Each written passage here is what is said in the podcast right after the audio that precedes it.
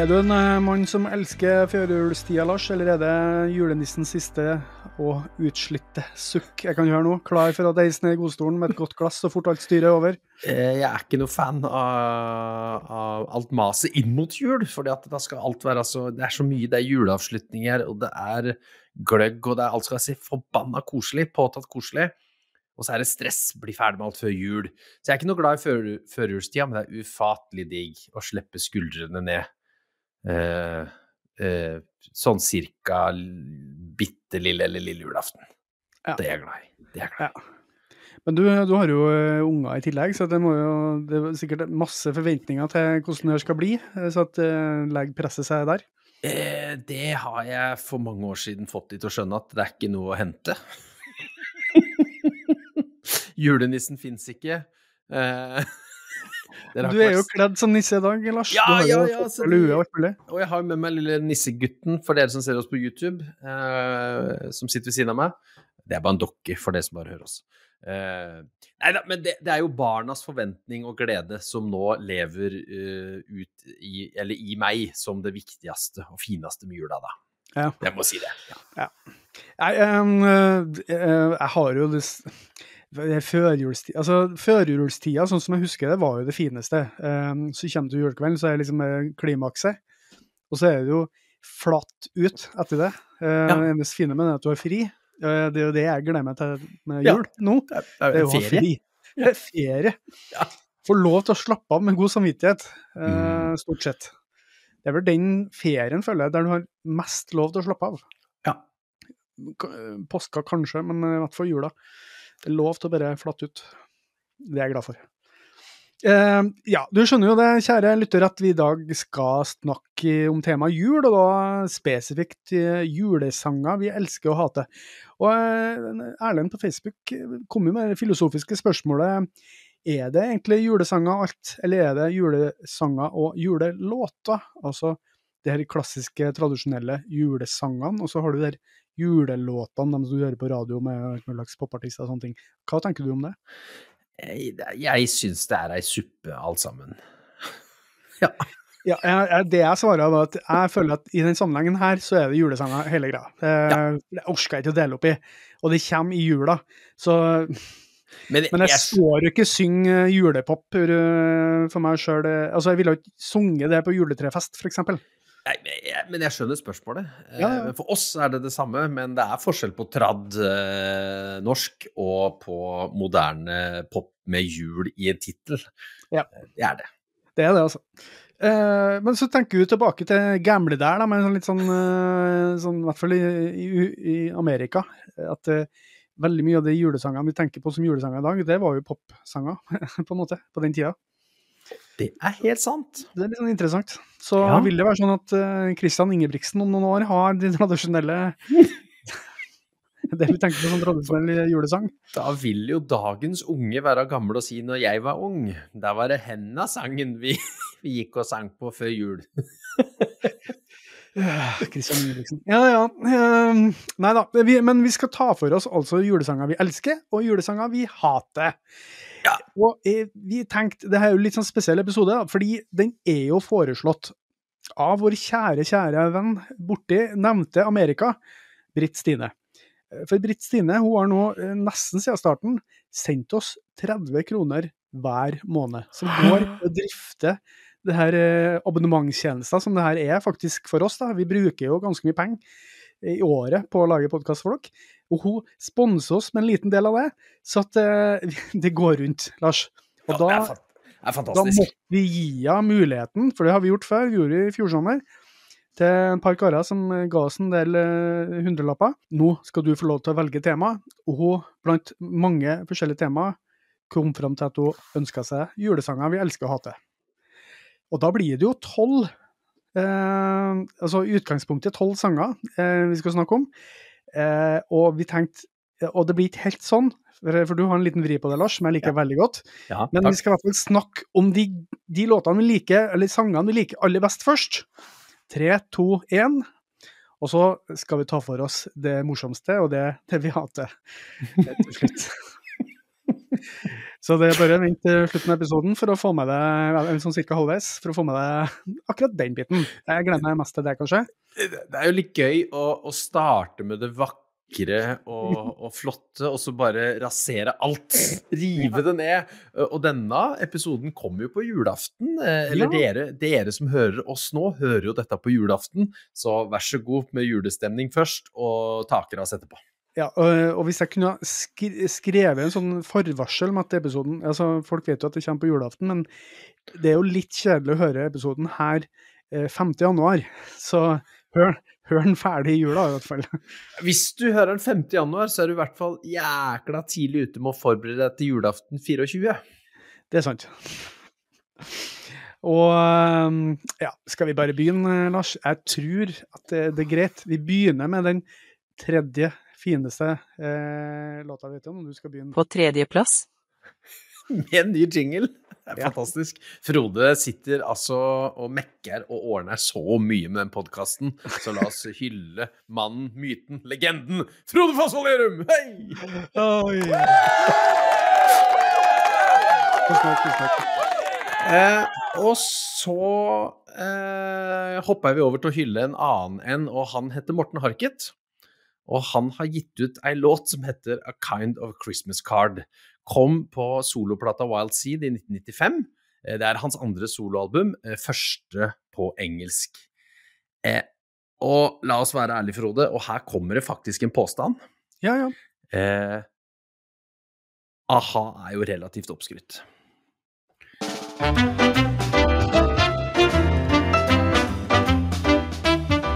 Ja, det er en påstand.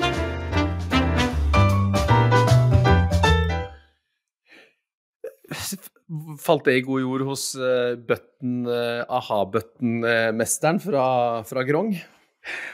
Jeg, jeg vil jo ikke stille meg opp og protestere med hendene foran brystet og, og, og knytta foran, og, eller slønge noen kniver til deg. Nei.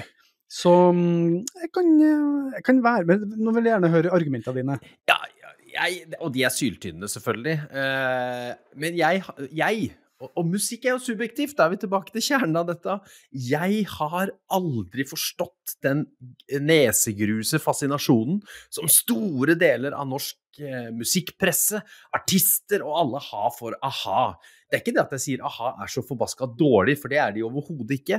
Men at de skal være så forbaska opphøyd i andre eh, gudsfigurer i den moderne popmusikken, det forstår jeg bare ikke. Det var noen kjekke fyrer, eh, noen trange jeans der og noe hull i buksene og, en, eh, og, og noen skinnjakker og noe, noe hockeysveis på 80-tallet. Og, og det er en helt sånn generisk grei eh, greie de holdt på med. Jeg klarer bare ikke å forstå hvorfor de har blitt så innmari svære. Derav påstand oppskrytt. Jeg sier ikke det er dårlig, jeg sier bare de er veldig oppskrytt. Eh, ja, ja det- det var min påstand, og det var min begrunnelse. La, la meg følge opp det. Altså, jeg er jo altså, Jeg har jo snakka i en tidligere episode om sånn barndommen, og da hvor, hvor viktig a-ha var for meg. Det var jo det første kanskje bandet jeg liksom, ordentlig var fan av. Men jeg falt jo av lasset etter to plater. Ja. Eh, Og har jo syntes det er ganske kjedelig etterpå. Men eh, og ikke til forkleinelse. eh, Jeg kjenner noen som er veldig nær, som syns a-ha er veldig bra. Så vedkommende vil nok ta seg nær av at du sier at de er oppskrytt. Og det vil sikkert mange, men jeg, tendens, jeg har en tendens til å si vet du hva, jeg syns ikke du er så langt fra målskiva, altså. Nei, Det er ikke takk, skivebom. Nei, det er ikke, jeg syns jo ikke det. Vi har jo lyttere som syns Kiss er gode også, og vi har vel, selv, vi har vel sagt begge to hva vi syns om Kiss. Eh, De har Ja. potensialet, men de har liksom aldri fått helt løst ut.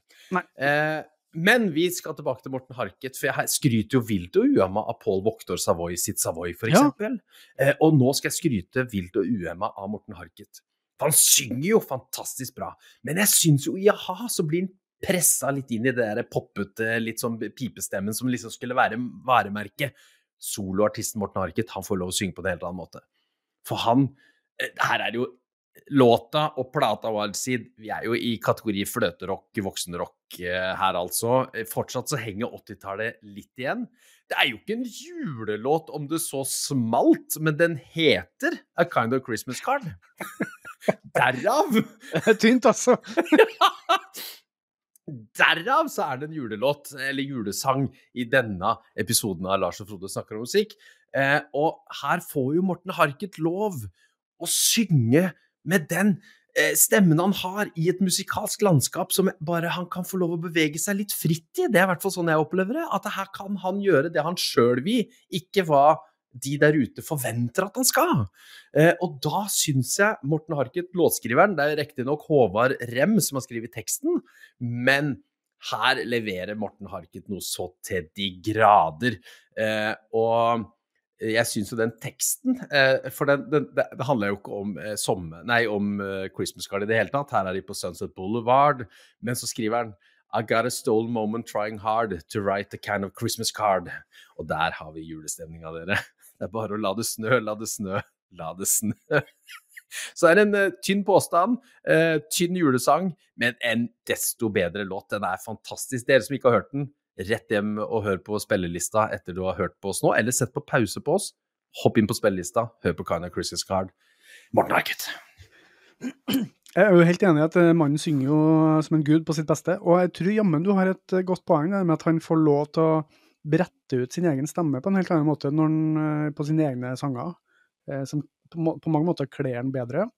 Det, han snakkesynger jo litt Du får litt mer den bredden i måten han ja. synger på. Spesielt på den låta der. Eh, men eh, det er jo sånn Jeg eh, husker jo ikke sist jeg gikk på et kjøpesenter og hørte Crying a Christmas Card i jula. Nei, ikke, jeg, jeg, satt i, jeg har gjort research, så jeg satt ja, ja. og tenkte er det en julesang? Og så fant jeg den på sånn der Absolute Christmas uh, og sånn. Så, så fins den jo, så tenkte jeg OK Spilleliste, eller? Jeg, eh, faktisk en plate. Oh, ja, eh, sånn samling av julelåter. Og så tenkte jeg, hvis den er der, da er det fader meg ja, okay. julelåt. Da er det, det julelåt. Ja, det er greit. Det, det, er jo vanskelig å stå imot fasiten juleplate, fordi det er jo egentlig fasiten.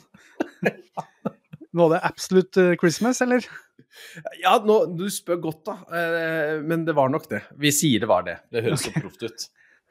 1995, altså. Eh. Ja ser jeg. Wild, Ti år wild, etter gjennombruddet. Det er jo helt fantastisk.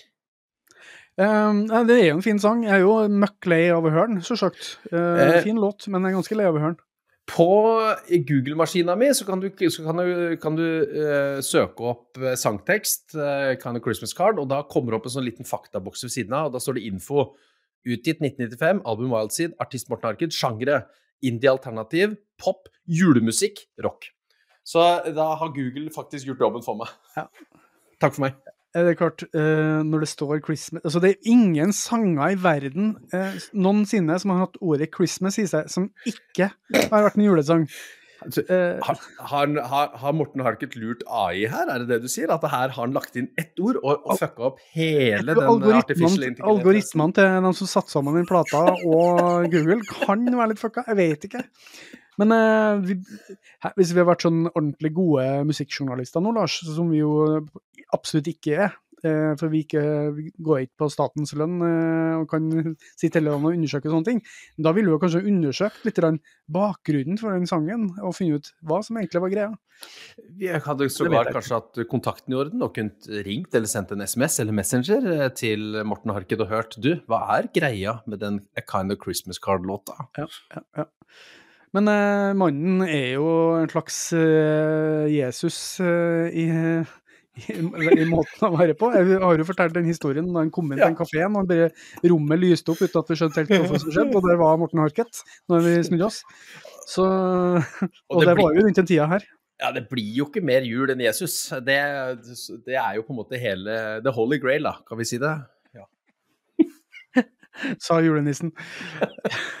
Ja, fin låt, da. Uh, jeg, jeg, går jo på min tredjeplass, for nå hopper jeg videre. Så vi kommer oss gjennom det her før eh, det blir natta. Uh, jeg har jo gått for den ultimate amerikanske uh, julesangen, egentlig. Og det er jo Altså, for hver Når jeg hører Bing Crosby med White Christmas, da går jeg rett i julestemning. For meg, da er det jul. og den, den heldigvis så er det ikke sånn at, uh, at NRK Radio eller hvem som uh, ihjelspiller den før det begynner å nærme seg uh, julaften. og julekveld, det er jeg veldig glad for. Eh, Fordi eh, siden jeg var bitte liten, så har den Det er noe Den har alt det nostalgiske og alt det um, ultraamerikanske og, og den fløyelsstemmen og så- sånne ting, men det, det er bare sånn innkapsle den der romantiske biten av jula på en sånn utrolig god måte. Ehm, og vi- vet jo alle, vi kjenner jo alle den sangen, og vi vet alle i, vi har hørt den millioner av ganger. Jeg blir fortsatt ikke helt lei meg. Det er en av de få Jeg kjøpte en sånn, eh, var det en CD eller sånt med Bing Crosby, bare for å kunne høre den sangen eh, i ungdomsåra. Eh, det er ikke noe jeg har hørt masse på i ettertid, men, eh, for at den er jo så tilgjengelig. Men eh, White Christmas, når han bare altså når det bare dryster stemmen hans, bare tirrer øregangene mine, så blir jeg sånn åh, der kom det, ble jeg trygg. Det, det er akkurat som julenissen sjøl kom og ga meg alle gavene han ønska meg.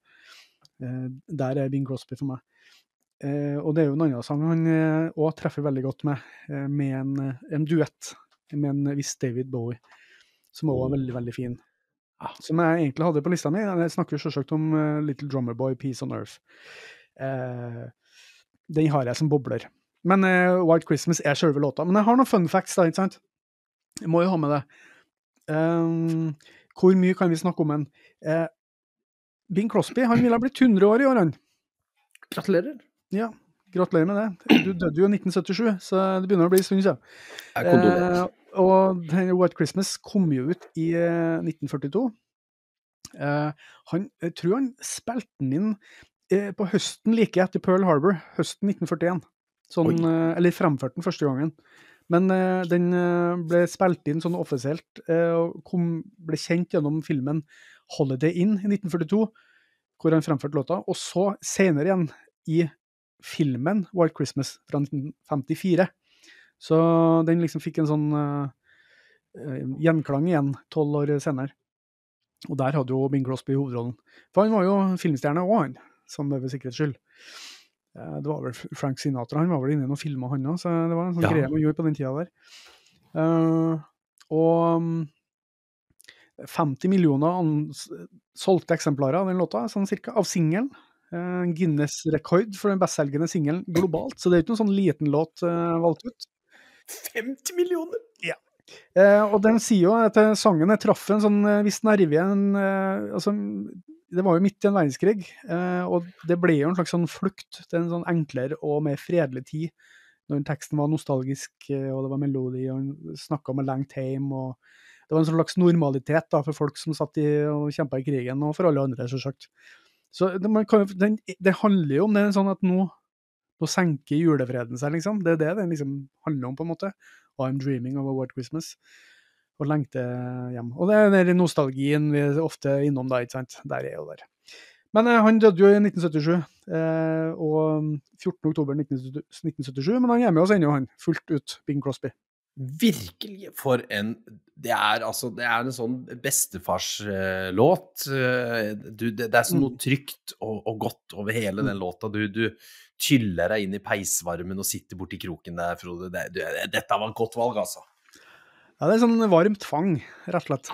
Virkelig. Det, nei, dette det har ikke noe mer å, å si om det, for det er, det er jo en, en klassiker over alle klassikere, egentlig. Ja, Det er jo det. På andreplass Da gikk vi rett på andreplass. Ja, skal vi ikke gjøre det? Og vi skal jo til en eh, norsk klassiker. Eller du tror kanskje den er mer klassisk enn det den er, faktisk. For vi skal til nordnorsk julesalme. Trygve Hoff. Ja, og det er Å, for den er jo en moderne klassiker. For den eh, begynte jo med TV-serien Lyset i mørketida, NRK 1985. Eh, nå var ikke det en serie jeg satt og så på. Du var kanskje gammel nok til at du satt og, og så og husker den, Frode? Så vidt det er. Ja, og Trygve Hoff han, jo, han skriver jo dette. Han er artist, komponist og tekstforfatter han, fra Rognan i, i Nordland. Eh, og eh, der eh, var det jo også musikalske innslag, da. Og, og eh, låta her er jo spilt inn på Marienlyst, eh, i kjelleren på Marienlyst, med Trygve Hoff og fem-seks musikere. Veldig enkel original der, men et orgel og bass, og, og Trygve Hoff synger sjøl. Den gis ikke ut. Så glemmes den litt. Den er spilt inn, den gis liksom ikke ut eh, før eh, på starten av 90-tallet. For Trygve Hoff dør i en alder av er det 49 eh, på slutten av 80-tallet, uventa. Mm. Eh, og på, på midten, starten, 19 starten av 90-tallet så finner noen ut vi skal lage en plate med de musikalske minnene etter Trygve Hoff. Eh, og da dukker jo selvfølgelig nordnorsk eh, julesalme opp. Eh, og vi er fortsatt i 1995. NRK har jo eh, all makt på alle eh, FM-bånd, eh, unntatt nærradio. Så når NRK plukker opp denne og setter på spillelistene, da eh, Resten er historie, som de sier. Da kom denne låta opp i eh, nordmannens bevissthet igjen. Og etter den gang så er den jo en av de mest covra eller versjonslagde av absolutt alt og alle. Eh, jeg eh, har jo en forkjærlighet for mange av versjonene. Jeg skal komme tilbake til det, men jeg har jo en spesiell en som sitter i hjertet. Det er jo Bilal eh, Saab, når han eh, er på Stjernekamp i, eh, på, på NRK. Mm. Eh, og han er jo fra Sørøya, eh, Hasvik kommune, Sørøya. Ligger ute i havgapet utafor Altafjorden. Eh, jeg var jo på Sørøya da han sang denne. Eh, jeg var jo hos, og dette har jeg så vidt nevnt før, for jeg har prata om nordnorsk julesalme i den nordnorske visetradisjonen som jeg er så glad i. Mm. Men da var vi jo der ute, vi leier oss inn, eller får lov å bo fryktelig billig, gratis, hos Bilals onkel Ørnulf, Ørnulf Jacobsen.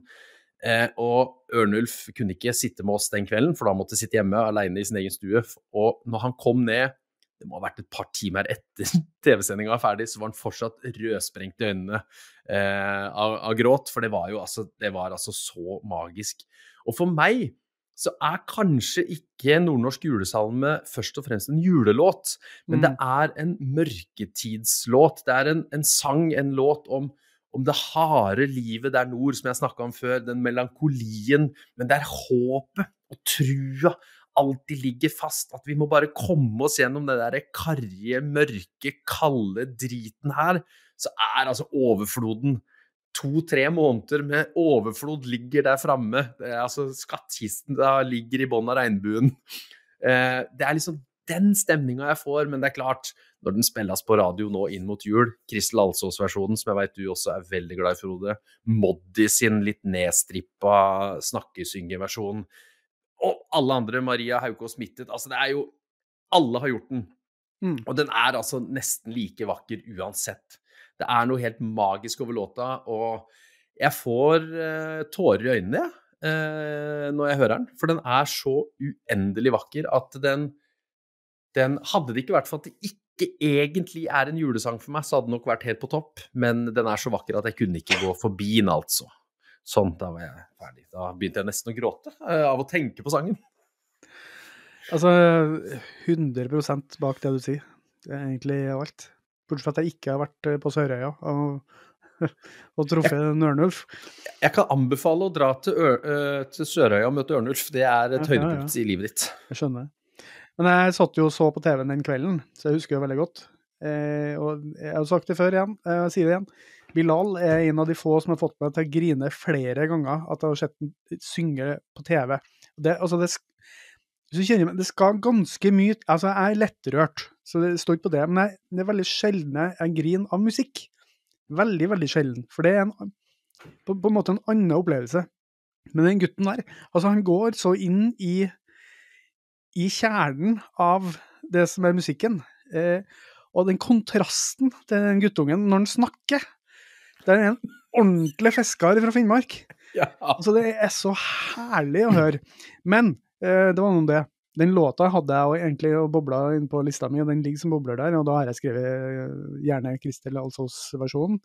Eh, for den er, den er så sen, hun er så sensuell når hun synger. Ja. Det, det, det, det er noe Hvis du skjønner? Ja. Veldig på, på det beste, eh, mest feminine beste du kan ha, på en måte.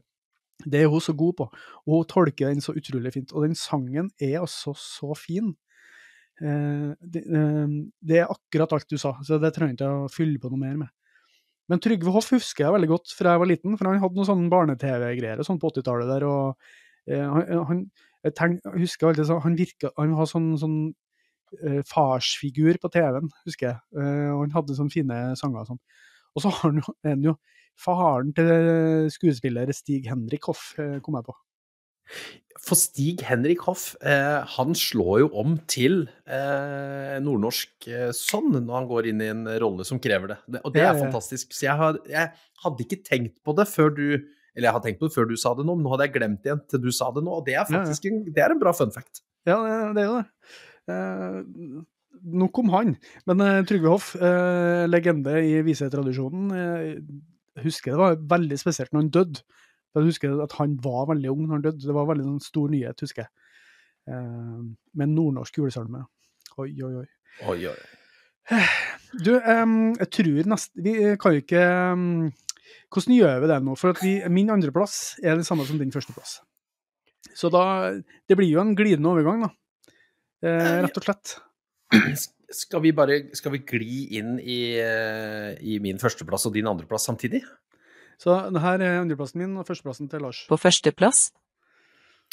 Ja, det er jo, nå er vi over på trad. Nå er vi over på det som er julesang, da. Eh, Ekte julesang, er vi ikke det? Eh, vi skal til deilig er jorden. Eh, Må jo dit.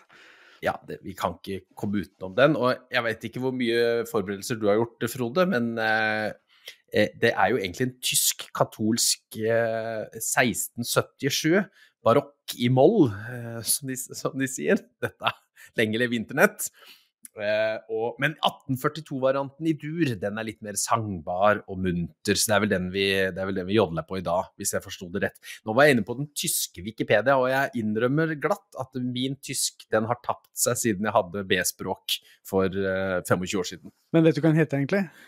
Den heter 'Skjønster Herre Jesu, herser alle Herren'. Nettopp. Eh, det betyr hersker over alle menn. Eh, eh, skjønne herre Jesus, eller hva? Ja, et eller annet. Eh, men vi skal til den norske versjonen, og vi trenger jo ikke å, å prate så mye om det. Men i 1850 så var det altså han danske Ingemann som satt dansk tekst til denne. Eh, og den heter 'Deilig er jorden'. Eh, Jamen altså, din fisefase, du er sko deilig. Eh, og så og så havna han i 1924 i, i Landstad sin klassiske salmebok. For alle oss som har vært i en kirke før 1990, så var jo Landstad salmebok. Men det var den reviderte utgaven av Gustav Jensen. Fordi at Landstad fant ikke plass til denne i sitt originalverk fra 1864. Der fikk dere historikken, altså. Ja, nettopp. Eh, En liten sak der. Når jeg tenker på, når dansker bruker ordet 'deil', deil. så så tenker jeg at deil er ikke det samme som deilig på norsk. Det, det, er noe, det er noen varianter som ikke er det samme. Jeg er enig. Skulle deil å være Ja. men det er sko deilig. Det er godt. Jeg tror det Ja. egentlig er godt. God er jorden. God er jorden, tror jeg den egentlig burde hett. Eh, men jeg skal, grunnen til at dette er min absolutte julefavoritt, for å dra det ned på det personlige plan, det er at jeg forbinder dette med julaften. Og jeg forbinder det med takknemlighet eh, over å få lov å bo i Norge. Et trygt land. Jeg, at jeg får lov å ha en familie. Tak over huet. Jeg, jeg veit at dette er den kvelden jeg er omøst, eller å, overøst og omkransa av kjærlighet. Eh, Jeg blir mett. Jeg tar meg en eh, liten eh, øl, kanskje en liten akevitt. Jeg skal ikke bli full, men jeg skal bare ha en liten sup av det. Så det er den derre takknemligheten over å bo i Norge. Og det er jo fordi at klokka fem hver julaften så synger jo Sølvguttene jula inn på NRK. Og rundt fem, ti over fem, så går familien Holtan, eller Berg Holtan, og setter seg rundt bordet. Og da står alltid den på i bakgrunnen, denne Sølvguttene, og de avslutter jo alltid med 'Deilig er jorden'. Og den, hele den eh, ramma av, av, av lykke, da. Jeg trenger ikke gaver, jeg trenger ingenting, men å være i den bobla rundt det bordet, det er liksom åh. Så derfor så er det umulig for meg å komme forbi 'Deilig er jorden' når vi snakker julesang, sjøl om jeg er en ateist. Og det er veldig mye Jesus og kristen der inne, så så det, det bryr jeg meg ingenting om, for det er en himmelsk sang, og, og akkurat i den settinga så er dette altså det vakreste som fins, altså. Jeg må bare Sånn er det bare. Helt enig.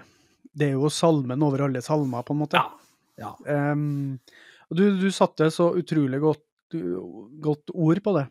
Uh, det med den, den Ja, alltid siden jeg var bitte liten, syns det var den fineste sangen. Julesangen. Fordi den, den gjør akkurat det du sier. Den skaper eh, trygghet, det er varme, det er kjærlighet. Eh, det er en slags sånn eh, forsikring om at vi har det godt. Eh, det er bra her, det er trygt. Eh, og, når, og alle kan synge med på den. Så det, Mm. sånn, det blir ikke en sånn stygg julesang eh, uansett som bestemor på, på 97 er med og, gauler for høyt. Okay. Søkt eksempel. Men altså at eh, de dårlige sangstemmene de ødelegger ikke sangen, på en måte. Nei, Fordi det, er, det er noe med den at den liksom skuer seg framover, og den løfter seg. Og de gode sangerne kan løfte den sånn ordentlig blir skikkelig skikkelig bra, mens de andre er likevel med. Eh, så den er òg god å synge. Når en sjelden gang synger eh, julesanger, for det gjør ikke jeg så mye lenger. Men når den kommer, så kan jeg liksom Vet du hva, der blir jeg med. For jeg er ikke så glad i allsang, men der kan jeg være med. Og så har han så mange stemmer i den der fullversjon, korversjonen, ja. så har han så mange stemmer at du finner alltid en stemme å hoppe inn Ja, ja. på. Ja, ja, nettopp. Det er mener. Du, det fins en plass til deg i den låta der, eh, Og sangen. Også, så er jeg Jeg river, rivas og slitas litt i meg, Frode. Om jeg liker den fullt ut eh, ti stemmer og, og orgel og altså den derre sakrale, Mm. gedigne Nidarosdomen-versjonen, eller om jeg liker den nedstrippa piano- og én stemme-versjonen. Men så har jeg funnet ut at det, spiller ikke noen rolle, for jeg liker be begge. Ja, ja. Um, og til sin tid, kanskje. Men det jeg har funnet ut Jeg har sittet og hørt på mange av versjonene nå. Jeg liker de som går akkurat litt saktere enn det du tror de skal gå. Jeg Mm. liker når den går sånn at du da føler jeg på en måte at den vokser enda litt mer. Et par av versjonene med, med kor og sånn går akkurat litt for fort for meg. Selv om de sikkert Ja, går i riktig ja, ja. tempo, så syns jeg den er fin når den dras ned i den sakte delen av skalaen. Veldig godt poeng. Jeg tror du har helt rett i, eh, for da får den mer plass. Eh, du, du senker tempoet, for den, den, den, den må liksom Du skal kjenne på den sangen der. Helt Du skal riktig. kjenne på Og det, den, jeg tror nesten at den går inn i det det, det er å være menneske, sånn helt innerst. Sånn eh, For at eh, Nå blir det kanskje litt sånn eh, Her blir kanskje litt pretensiøst, men jeg, tenker jo at alle mennesker egentlig bare er kjærlighet. Det, vi vil egentlig bare godt, alle sammen. Og så blir vi spora av av ting som skjer med oss. Eh, og noen velger å ta grep som ikke er bra, og så blir det baller på seg. Men egentlig inni oss så vil vi bare godt. Og der er en del av julen. Det er liksom en sånn Egentlig så er alt bra. Egentlig så er vi alle sammen én. Eh, og vi løfter oss sammen, på en måte. Og så kan du dra inn, dra inn det kristne budskapet og alt det, men eh, sjølve melodien bare er sånn. Og så kommer den teksten inni det òg. Egentlig så er det kanskje Det her skulle vært på min førsteplass òg. Sånn, som, liksom den ultimate julesangen der alle kan være med. Så er jo den nummer én. Men nå veit jeg hva du har som nummer én, og jeg er jo dønn enig med deg også, Frode. Så vi, som, og den du har som nummer én, hadde jo jeg egentlig så visste jeg at du kom til å ha den, så jeg la den bare på boblerne. Men vi skal ikke Jeg skal ikke Vi har to likeverdig, kan vi si det? Ja, det syns jeg. Eh, For de er jo på hver sin vi har, De nuller ut hverandre, da, så de er jo liksom begge vipper på første- og andreplass. Ja. Men eh, altså, sjølsagt er det er det Jussi Bjørling sin O helga natt. Oi, oi, Altså, det er jo ikke noen altså, det, det jeg føler lista her er mest opplagte vi har gjort nesten en gang. Men det er et bestillingsverk, og vi leverer. Ja, altså Jussi Bjørling, født Johan Jonathan Bjørling den 5. februar 1911 i Bolenge, Dalarne, Sverige. En av de fremste operatenorene i det 20. århundre. Tre tiår holdt han på. Eh, vakker stemme, teknisk dyktighet. O helga natt, eller O holy night, da, som det heter på engelsk, er en av de mest største sangene eh, som finnes, eh, og hans fremføring er jo en av de største. Um, han, um, han litt, Vi kan ta litt facts om Jussi. Det syns jeg han fortjener. Jeg vokste opp i en musikalsk familie. Hans far, David Bjørling, var òg en kjent tenor. Og han starta da Jussi sin opplæring i ung alder. Og så hadde han to brødre, Olle og Gøsta. Eh, og de ble med Jussi eh, Jussi ble med faren på turné som uh, Bjørlingkvartetten sammen med brødrene sine. Så her ga en sånn tidlig sceneerfaring og en dyp forståelse for musikk. Og så gjorde han sin debut som soloartist i 1930, og da var han vel 19 år, da. Og talentet hans ble raskt anerkjent internasjonalt. Opptrådt på store operascener over hele verden, inkludert Metropolitan Opera i New York, hvor, had, eh, hvor karrieren hans var spesielt vellykka. Og det var jo sj- sjølve plassen, tror jeg, på den tida der, og liksom, eh, og som operasanger, var å komme dit. Men så, på 50-tallet, så begynte jo helsa hans å skrante ganske mye, for han var jo alkoholiker. Og så hadde han en hjertesykdom i tillegg. Eh, og i februar 1959, kort tid etter at han eh, har blitt innlagt for hjertetrøbbel, så spilte Bjørling inn O helga natt i Stockholm. Eh, og det her ble hans siste innspilling. Teksten var jo en svensk oversettelse av den franske julesangen Minu Chrétien, om jeg sier det på rett måte, av komponisten Adolphe Adam, eller Adolf Adam. Nei. Hva skal vi si om den eh, sangen, da, Lars? Altså, det løfter jo seg så gæli.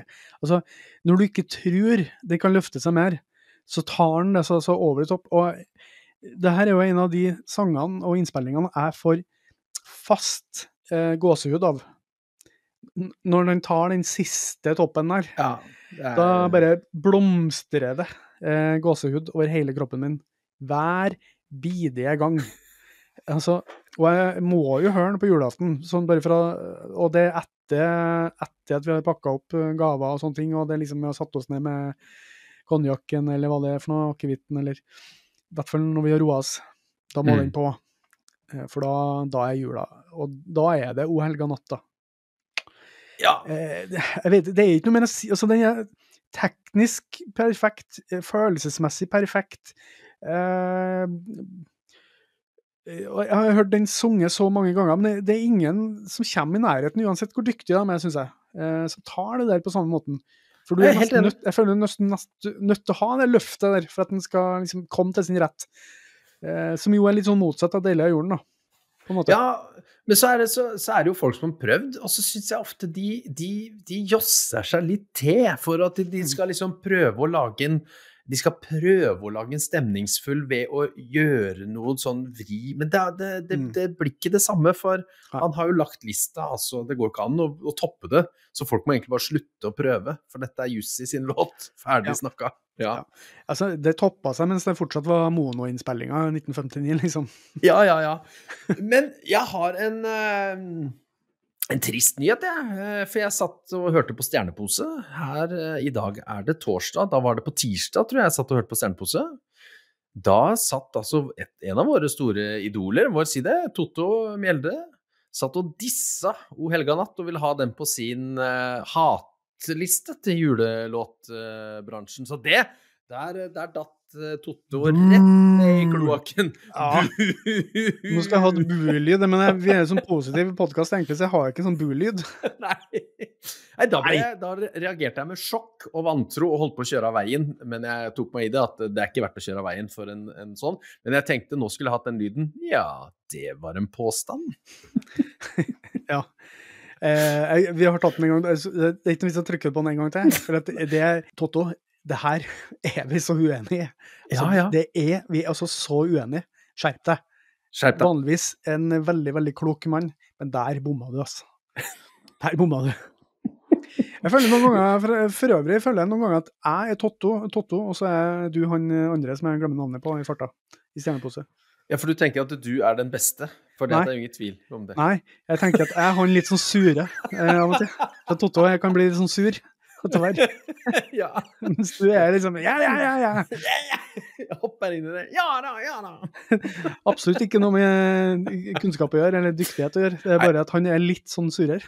Og hvis dere lurte på det, folkens, hør på Stjerneposa. For det er det beste radioprogrammet som fins på radioen.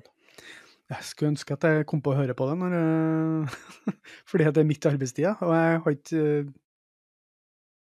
Jeg sitter- Du har jo kontor, du òg, men eh, du har vel radio på stående, sikkert? Nei, jeg hører på Tyler, men jeg har en jobb der jeg kan få lov å dra på befaring. Og oh, ja. her var det tilfeldigvis sånn at jeg var på befaring eh, sånn i halv elleve-draget, og da kjørte jeg 22 minutter den veien. Og da hadde jeg på, når jeg da setter meg inn i bilen og hører Oi, det er en stjernepose! Da hører jeg selvfølgelig på stjernepose istedenfor å sette på noe musikk. For det er eh, fantastisk å høre Det blir tåpelig det begynner klokka ti, ikke det? Ti til tolv. Ti til tolv. Jeg har jo ofte kontordager der jeg kunne skrudd på radioen eh, der jeg sitter og josser med noen andre, så at eh, Mitt, mitt problem med radio er at jeg får ikke med meg noe av det de sier. Så jeg, jeg kan jobbe veldig godt med veldig høy og bråkete Mm. musikk, musikk som folk syns er støy. Men så fort folk begynner å prate, så får jeg ikke, enten så får jeg ikke med meg det de prater om, eller så Nei. får jeg det med meg, og da får jeg ikke gjort noe. Det er mitt problem. Jeg kan ikke multitaske. Ja, ja, stemmer. Ja, det er nok kanskje derfor jeg ikke gjør det heller, nei. Altså, hva sa han nå? Ja. Mm. ja, flott. Men da har vi gått gjennom det, det beste med julesangene, de beste julesangene, de fineste vi vet om. Eh, Da må vi begynne fra scratch igjen, for nå skal vi over på det verste. Og her burde jeg hatt en sånn, eh, en sånn segment eh, som tilsier at eh, vi begynner på noe nytt.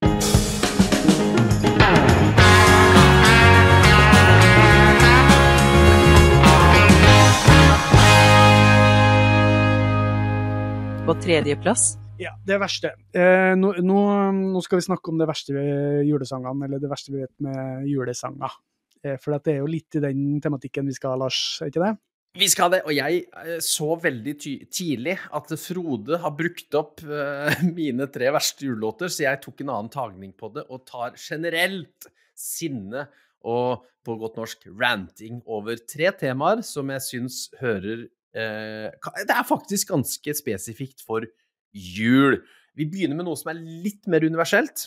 Litt, litt mer Idol og The Voice og alt mulig, men det er også inn mot jula alle disse hersens påtatte vokal-jokke-versjonene av disse flotte julesangene. Vi var inne på det på Jussi Bjørling der, O helga natt. Altså, du, du tar en, en låt som i utgangspunktet en melodi og en tekst som er helt fantastisk flott, og så tenker du og jeg må tilføre noe enda mer. Og så begynner du altså å, å, med sånn påtatt eh, julejoss for, for at du tenker at da blir det så ekstremt mye mer følelser og mer Nei, slutt! Jeg blir altså kvalm. Altså mange av de derre Og det er, det er spesielt syngedamer også. Jeg beklager, jeg prøver prøver å ikke dra inn kjønn, men det er spesielt damer som har en tendens å kline til. Og de har sikkert hørt for mye på tidlig Christina Aguilera og, og sånt noe. Det blir for mye opp og ned. Og jeg, jeg kan ikke ha det. Og det i, det er så mange av disse gamle salmene og gamle klassiske 30-, 40-, 50-tallslåtene som er mer enn vakre nok i seg sjøl. Ta heller og ton det ned. Ta heller og demp det ned. Ta heller og ta det helt rolig, så er det godt nok. Og det blir bare vakrere og vakrere jo roligere det er. Men nei da, du skal all out, all out! Og da blir jeg litt sur. Eh, så det var min nummer tre. Vokaljokking over flott julemelodi. Slutt! Jeg tar nå og flytter min, eh, min eh, Det som var min andreplass, ned til tredjeplass. Ja. At det her er egentlig bare samme ulla. Ja. Og fordi at du snakker om vokaljokking. Og selve originalen for at det her begynte, hun heter jo Mariah Carey. Og vi vet jo alle hvilken sang jeg hater verst sånn ordentlig da. Det er jo det All I Want for Christmas Is You fra 1994. Og da var hun allerede godt i gang med vokaljokkinga, sier hun. Eh, Hun har jo inspirert hele den gjengen som kom etterpå. Christina Aguilera hadde ikke vært Christina Aguilera uten Mariah Carey og Whitney Helt Houston. da. Helt Og Whitney Houston var jo der òg, men jeg eh, sånn som jeg husker det, Whitney Houston begynte ikke med ordentlig vokaljokkinga før Mariah Carey kom. Nei. Ehm, så én 100% med på hvorfor må det jokkes på alt, også julesanger.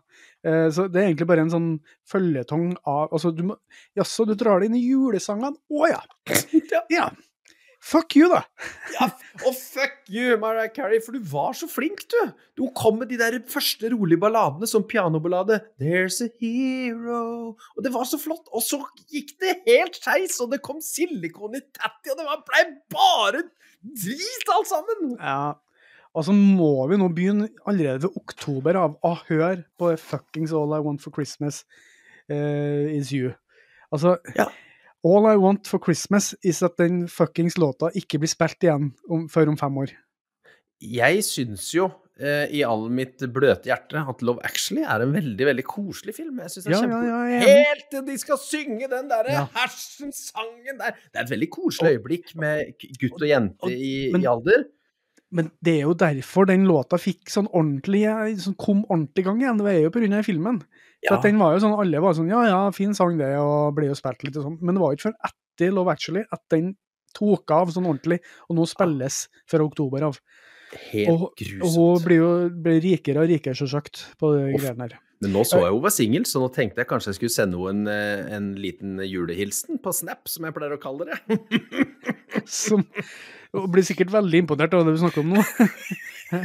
I, I, I have talked to you uh, about you in Norwegian's biggest uh, indie podcast about music. How, what, what you reckon? Uh, date? Question mark? I'm not too young. Altså, Eh, jeg skal bli den motsatte Anna Nicole Smith. Altså, hun er gammel nok til at jeg kan sitte og vente litt, så får jeg millionene. Ja, ja, ja. Det var en gammel referanse. og, og så er jo spørsmålet Er All I Want for Christmas Is You så forferdelig egentlig, eller er den bare ihjelspilt? Jeg bare spør.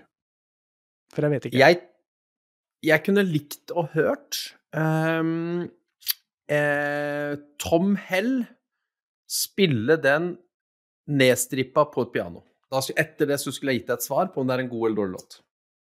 Det, det er i hvert fall eh, den beste metoden for å dissektere der i dag. Ja. Sjøl om jeg har hørt den millioner av ganger og allerede ødelagt på den melodien. Eh, Men jeg, jeg syns jeg husker fra gamle dager da, at det ikke var så ille. Før. Sånn før den, før den ble den, den er det monsteret den er i dag. Så her, her er det eh, eksponeringa, og ikke nødvendigvis eh, sangen, som, Ja. som er, har gitt problemet over tid. Ja, jeg, jeg, tror kanskje det, fordi at eh, det òg går jeg for nummer to, er det samme. Egentlig kanskje alle tre jeg har eh, Ja. her. At det er litt av problemet med alle de. At de er, for at de i utgangspunktet kanskje er OK låter, men har blitt ødelagt. At de blir spilt som vanlige poplåter i juletiden, fordi at det er julerelaterte poplåter, Ja. på en måte. Eller i hvert fall i pop, uh, populærmusikkens det er ikke Deilig av jorden, for Deilig av jorden kommer ikke fire ganger om dagen på, på NRK, P4, whatever have you. Nei, Fordi og de, her er og, og, de og de spiller den gjerne ikke i november heller, Deilig av jorden. Den kommer liksom inn i den stille tida, akkurat sånn lille julaften og sånn. Da, da begynner den å ramle inn. Ja. Eh, og da, da er man inne i det som er problemet med pop- poplåter, og de mest populære poplåtene. Eh, og hvis du er en av dem som nå sitter på en arbeidsplass der eh, det spilles P4 dagen lang og dag ut, og Radio Norge og what have you altså, Og jeg, jeg vet ikke alle kommersielle der, der det er bare popmusikken fra de siste 30-40 åra som spilles. Om igjen og om igjen. Eh, det her har vi snakka om i helvetesmusikken. uh, hva, hva, hva det er, er, hva betyr for meg, hvor ille det er. Men uh, du kan ødelegge de beste låta ved at de blir overeksponert. Uh, så I put, I put it out there. Mariah Carey, All I Want for Christmas Is You, er kanskje ikke så jævlig egentlig, men det er definitivt på verste julelåta, eller julesanger, for meg likevel. Enig. Oh, Jesus. eh, det er litt godt òg. Det er godt å få det ut. Ja, det er det. På andreplass Ja, Lars. Hvis ikke, hvis ikke eksponeringsterapi, eh, eller eh, motsatt eksponeringsterapi, er nok til å ødelegge en låt, så skal jeg nå komme med den sikreste måten å ødelegge en låt på, og det er et eh, ganske spesifikt julefenomen, så vidt jeg veit. Lag en panfløyteversjon av det, da. Vel, fy helskotten! Og jeg å, å, For jeg hadde egentlig glemt at det fins panfløytemelodier, for jeg syns kanskje det har gått litt ned i det siste. Ja, ja, ja. Ellers er det bare fordi at jeg er mindre ute. Men jeg var på senteret her i Mandal på lørdag, skulle handle med mine barn. Og vi går, for- Jeg husker ikke hvem butikk det var engang. Går forbi, og der kommer noe panfløyte ut fra, inn i øregangene mine. Og jeg, jeg, jeg, og jeg kjente det. Jeg, jeg, ble, jeg ble aggressiv, jeg ble sur, jeg ble sint. Så jeg måtte sa til barna Nå må vi gå! Eh, For jeg ble ordentlig Altså, jeg, jeg, jeg nå, nå ble jeg sint. Nå ble jeg sint av å prate om det. Jeg klarer ikke panfløyteversjoner av noe som helst. Spesielt ikke av julesanger. Og jeg kan ikke fatte og begripe de butikkeierne som tenker ja, dette skal jeg sette på i min, min butikk, for da blir det så koselig julestemning her inne. Det var mitt spørsmål, da. eh, ser, hvem er den bokstavelig talt nissen som sitter og tenker at panfløyte, ja. Panfløyteversjonen. Ja. Det må vi spille.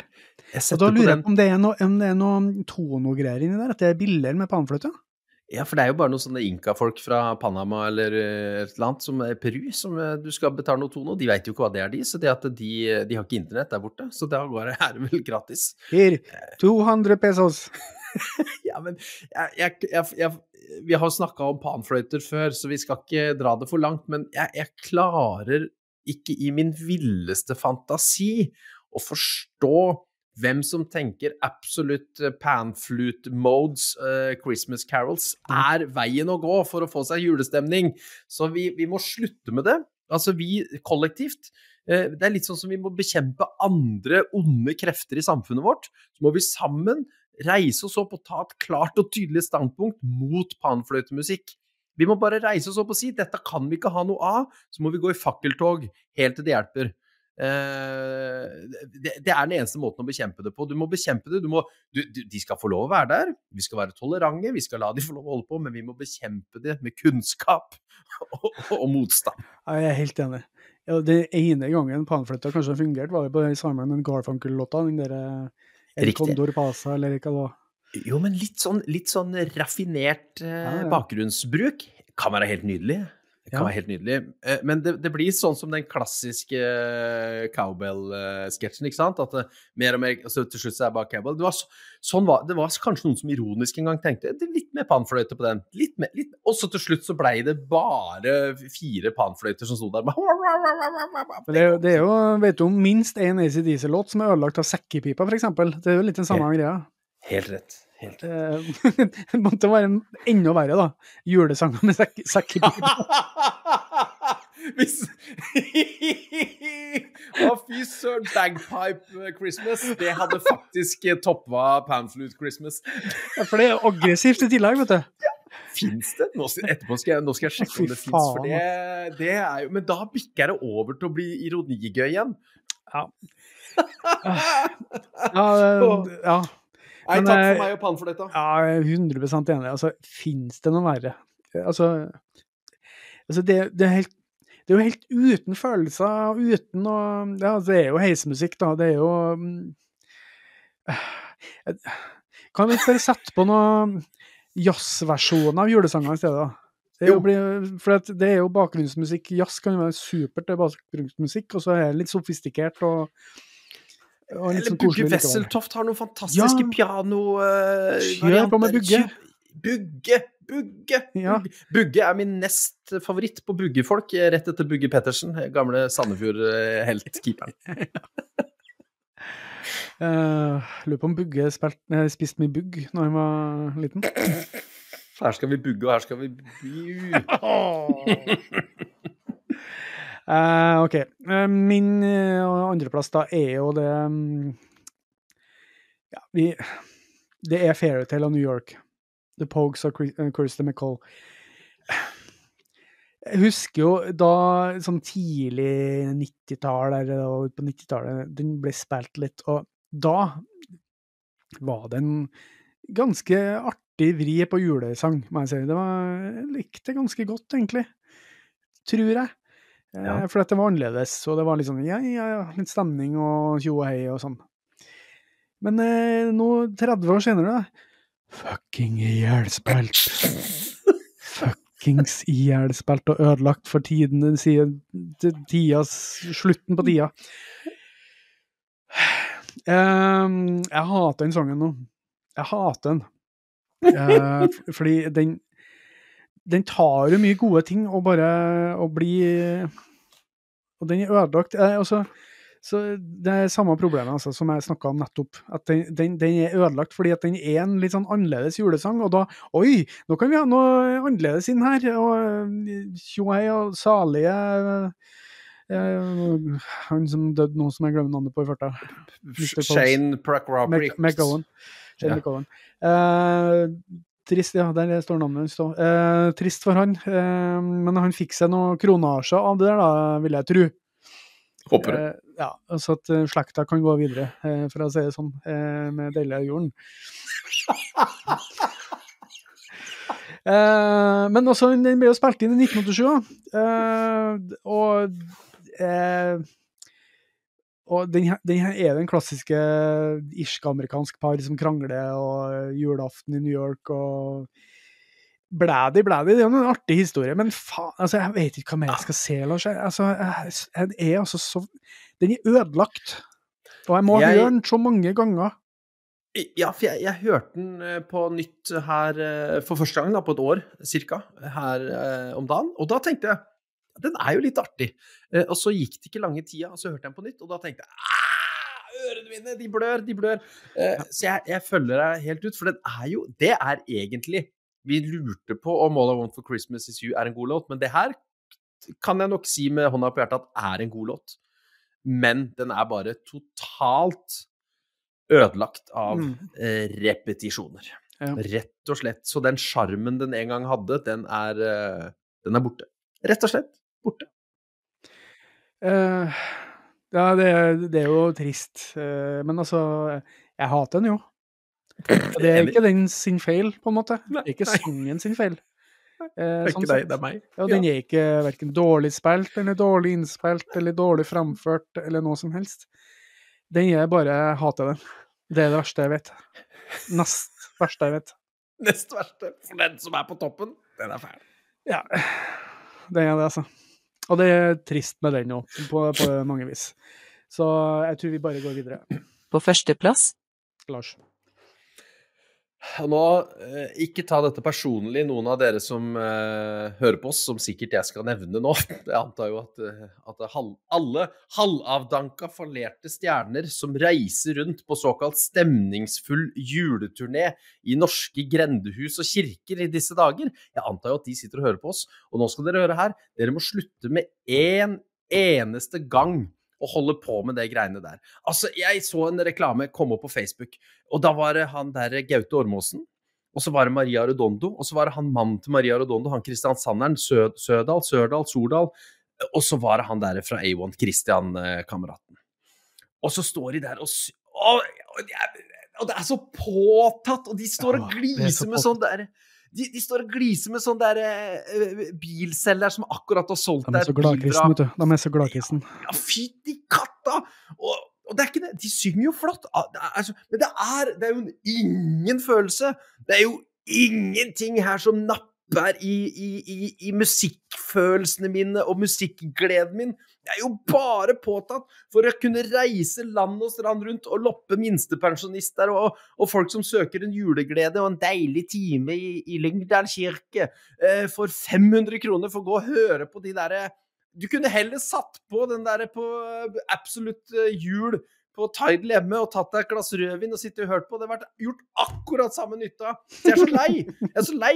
Og det, det som er enda verre, det er de som ikke engang har kommet seg helt opp i etablert eh, der, men som, som har Han som kom på tredjeplass i Voice i 2011, er med i år! Whee! Og jeg blir så sur! Jeg blir så eitrende forbanna for dette. Dette er, det er sjarlataner. Det er jo de, de driver jo med Tasken-spill.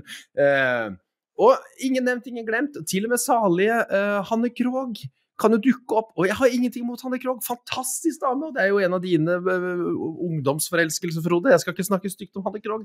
Og til og med hun står der og, og selger eh, sjela si for å leve dollars i, på påtatt julestemning. Nei, da blir jeg sur. Men hun Og- mener det, vet du. Hun, hun mener stemning, ja. Men det gjør ikke Christian Ingebrigtsen og frøken Aredondo, så det tror jeg ikke Nei, på. fytti katta. Nei, så jeg kunne til nød eh, gått og hørt på Ødd Nårstoga og Ingebjørg Bratland. Eh, til nød. Eh, men Sissel, da? alt annet Ødd og Sissel, da. De har gitt ut juleplate i lag. Jo, men det, er jo Sissel. Hun er nasjonalskatt. Ikke snakk stygt om Sissel. Nei. Nei, men helt seriøst, alle de som drar rundt til alle gudsforlatte plasser eh, for å fylle opp kirkerommet, sånn at kjerka blir glad, for da kan de få skrevet opp besøkstallene, og de artistene får litt mammon, og alle har en gullkalv å, øh, å danse rundt. Dra åt skogen, altså. Det er så lite julete som det kan få Hva ville Jesus ha sagt til det der? Han henger Du ser han henger på det korset der oppe og vrir seg. Ja. Nei, nå, det var en Jeg måtte bare få det ut, for jeg, jeg, jeg kan ikke si at jeg liker det. Jeg kan ikke si at jeg liker det. Nei, eh, jeg har tulla mye med det. Eh, tulla litt før vi begynte, at det, det her er jo det folk tjener pengene sine på i løpet av et år. Ja. Eh, de sitter på ræva i eh, ti måneder, og så øver de litt i noen helger i november. Eller kanskje i begynnelsen av november. Og så er de på turné, tjener hele årslønna si. Eh, eller så er jeg med på noe kjendis-reality eller whatever. Um, og jeg, jeg sitter og skriver musikk. Eh, ja, han skriver musikk som ingen hører eh, noen gang. Fordi han spiller ut det på juleturneen, eller gir ut noen plate. Nei, eh, noe stygt, da. Det er ganske stygt, men eh, det er jo flott at folk kan holde seg i live med å gjøre det de syns er gøy. Men jeg, eh, Ingebrigtsen har jeg aldri trodd noe på, at han gjør det for at det er gøy. Jeg tror han gjør det for at eh, noen annen grunn.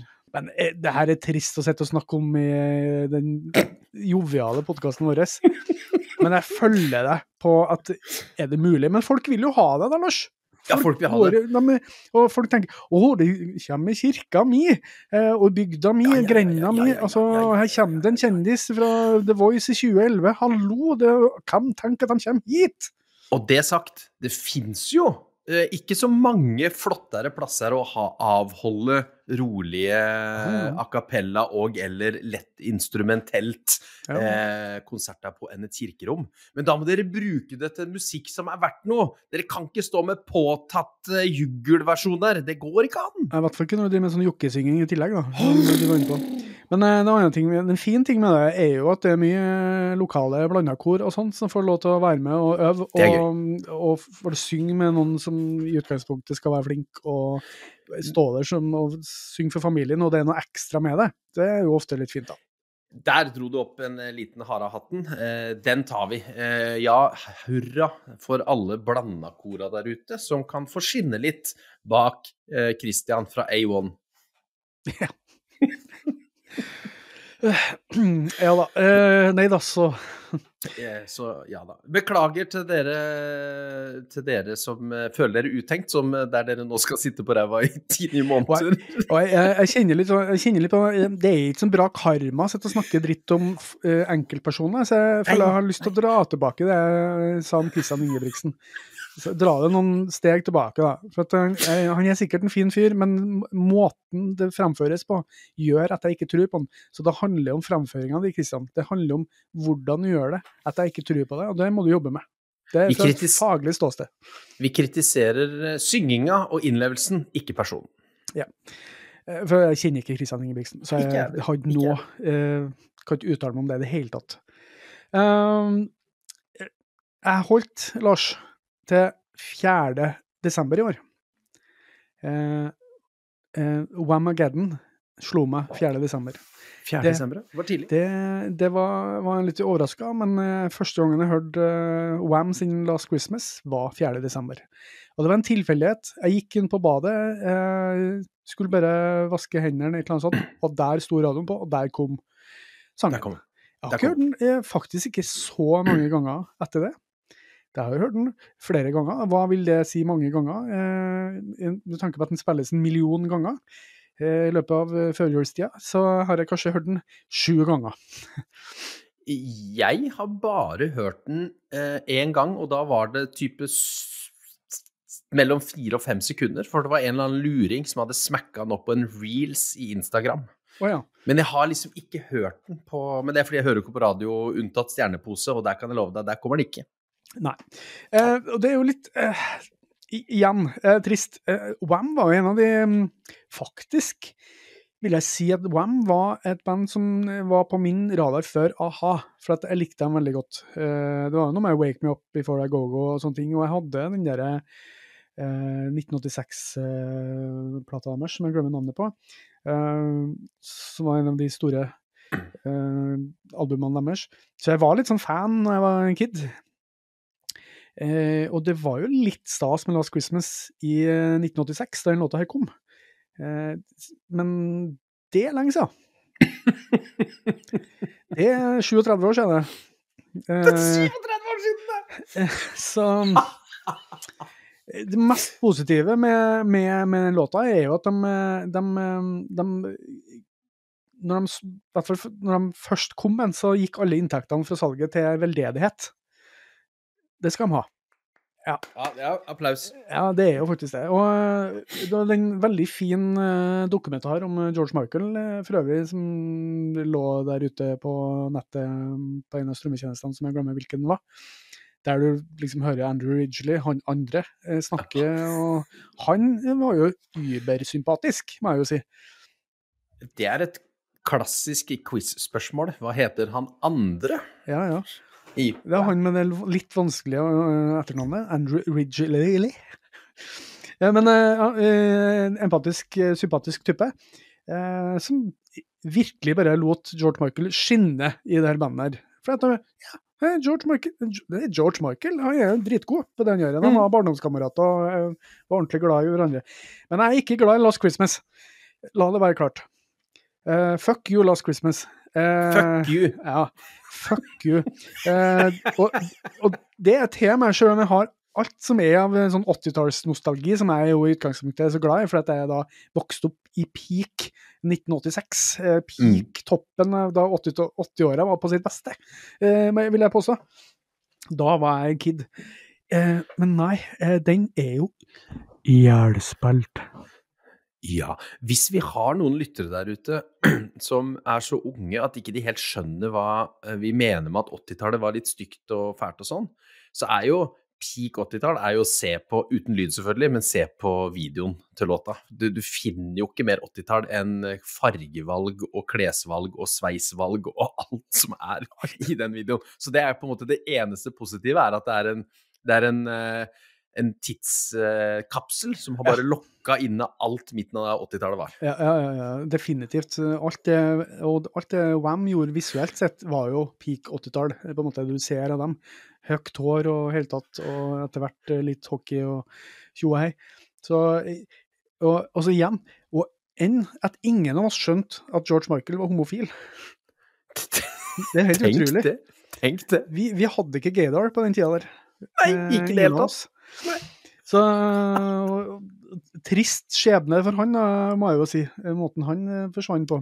Men øh, og, øh, når det er sagt, dyp, dyp respekt for George Michael. Ordentlig, ordentlig flink musiker, vil jeg si. Og, og utrolig god sanger. Og Freedom 90, for eksempel, en av de beste sangene på 90-tallet. Fantastisk sang. Fantastisk video. Fantastisk Fantastisk alt.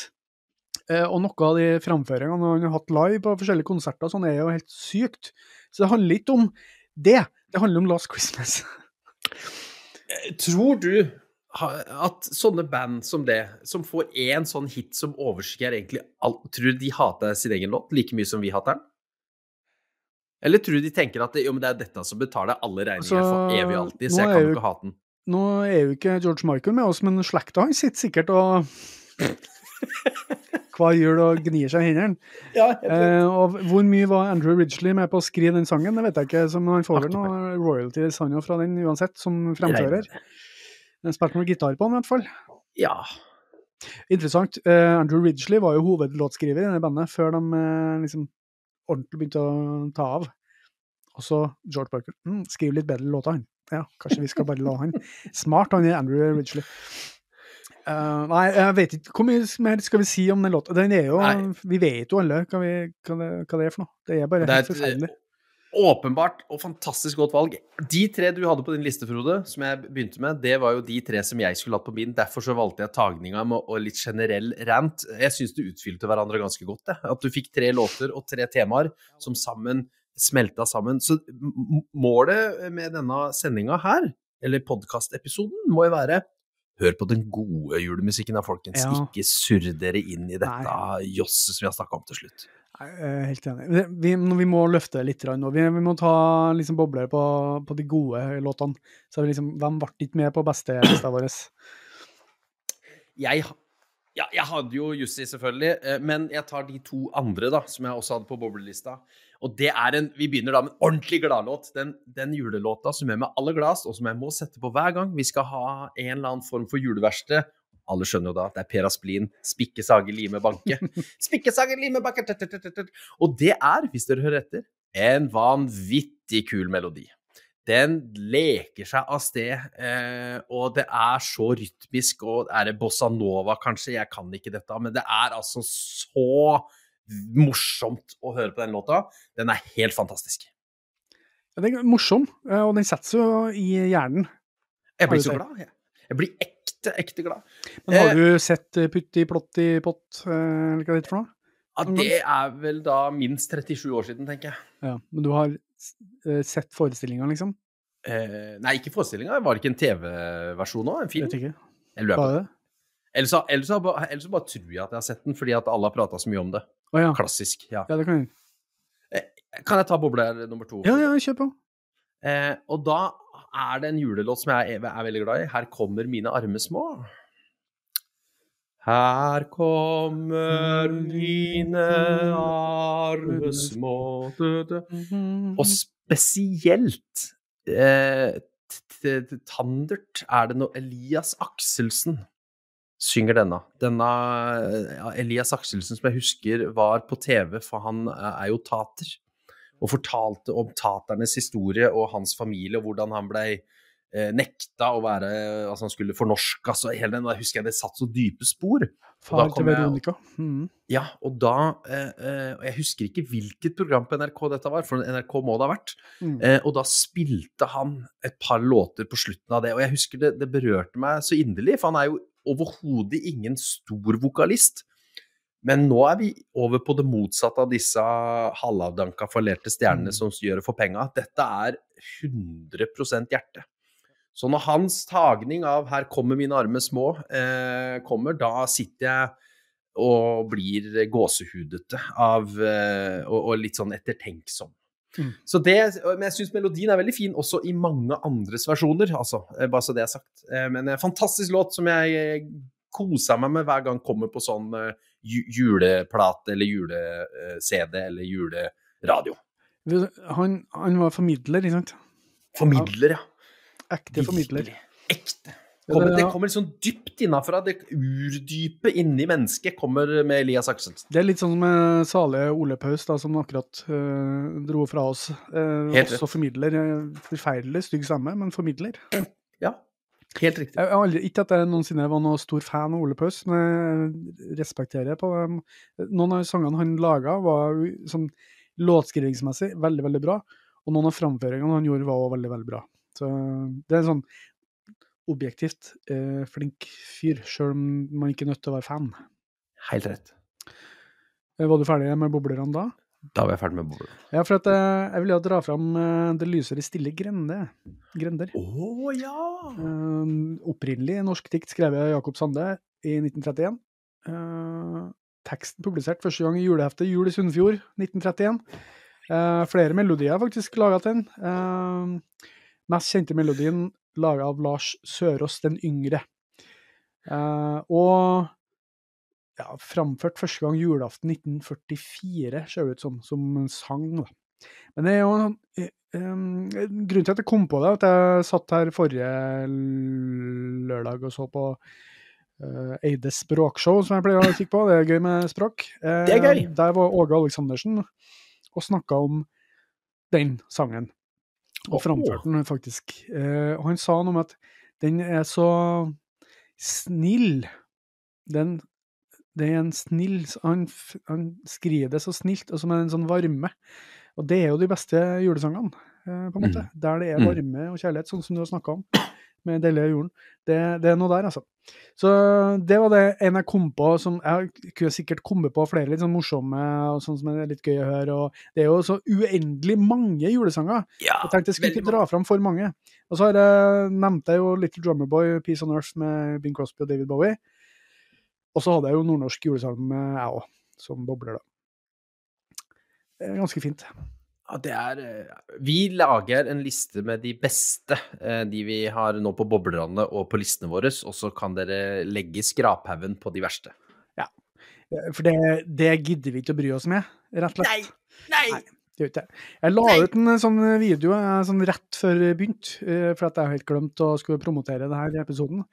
Så der har det ikke kommet noe ennå. Så eh, beklager det. Eh, Så vi får ikke med noe lytterforslag i dag. Sånn er det bare. Ja, men jeg, jeg tror våre lyttere er helt enige med oss. For en gangs skyld så er det helt Det er eh, enstemmig vedtatt at i dag har vi dratt fram de beste seks, syv, åtte julesangene som fins. Ferdig snakka, objektivt, subjektivt, spiller ingen rolle. Dette er fasit. Ja, Veldig greit. Du, Lars, det her er det siste vi gjør i 2023. Eh, har du tenkt noe på det? Eh, nei, det har jeg faktisk ikke gjort, men det, når du sier det, så sånn er det. det. Takk for i år. Det ble 23 episoder faktisk i år. 23 i 23. Klarer vi å trykke inn 24 i 24? Det, du, jeg har faktisk ikke tenkt på at det var 23, i 23. men eh, det var gøy. Eh, altså, jeg er ganske godt fornøyd med det, altså, at vi har fått til det. Vi har møttes eh, 23 ganger i år og gjort det her Ja. om igjen og om igjen. Og folk sitter Det- fortsatt og hører på oss. Og det er ganske bra. Vi sitter ikke på ræva ti måneder i året, vi. Eh, Vi jobber kontinuerlig gjennom hele året. Og vi gjør det kun for deg, kjære lytter. Nei, mest for oss sjøl, vil jeg faktisk si. Eh, At det faktisk hører noen, at det er noen som hører på, det er jo helt utrolig. Det setter vi, og det setter vi utrolig stor pris på. Og så må vi si god jul til alle. Nå er jo dette julaften, eller kanskje romjula noen hører, men fortsatt god jul. Og så må dere ha et eh, Nå har jeg lært av mora mi, du skal ikke si godt nyttår, du skal si takk for det gamle. Takk for at dere hørte på oss i 2023. Helt riktig. Og når vi møtes igjen, Lars, da har jeg forlatt 40-åra. Tenk på det, Lars. Det er lenge til, ass. Det Tydeligvis ikke. Ja, jeg går og tenker på det. Jeg, er glatt, jeg, jeg gleder meg til det er over, til jeg kan si ja, greit, jeg er ikke i 40-åra lenger. Skal vi ha beste rock for menn over 50-episode snart? Over det, da. Oi, ja, oi. Ja, det ble noe av det òg. vi vet ikke om eh, Vi skal jo årets album 2023 eh, på et eller annet tidspunkt. Vi vet ennå ikke om det blir neste episode eller ikke, for vi føler vel kanskje vi trenger litt mer tid, fordi at eh, Ja. Mm. Ja, Nummer én, vi lar jo musikkåret få lov å gå ut til og med 31. desember, så vi må jo sitte på alerten, og, og hvis vi skal spille inn sånn 4., 5., 6. januar, så blir det litt kort tid hvis det kommer noe knallalbum nå på tampen. Hvem vet? Ja, og så, som vi snakka om før vi begynte å spille inn, altså nå har jo alle eh, årslistene kommet, og da oppdager vi nye ting. Eh, så hvorfor ikke benytte seg av muligheten til å faktisk se gjennom de årslistene og ta en kvalitativ eh, gjennomgang av eh, det som har kommet? Og kopiere litt av Tenke å ja, men de Ja, når evig lytter sier at den er god, da er den god, så det, den tar jeg og sniker inn på min fjerdeplass også. Men eh, da er vi ferdig. God jul. Eh, takk for det gamle. Takk for eh, i dag, Lars. Eh, og helt tatt, vi høres i 2024. Vi høres i 2024! Oi!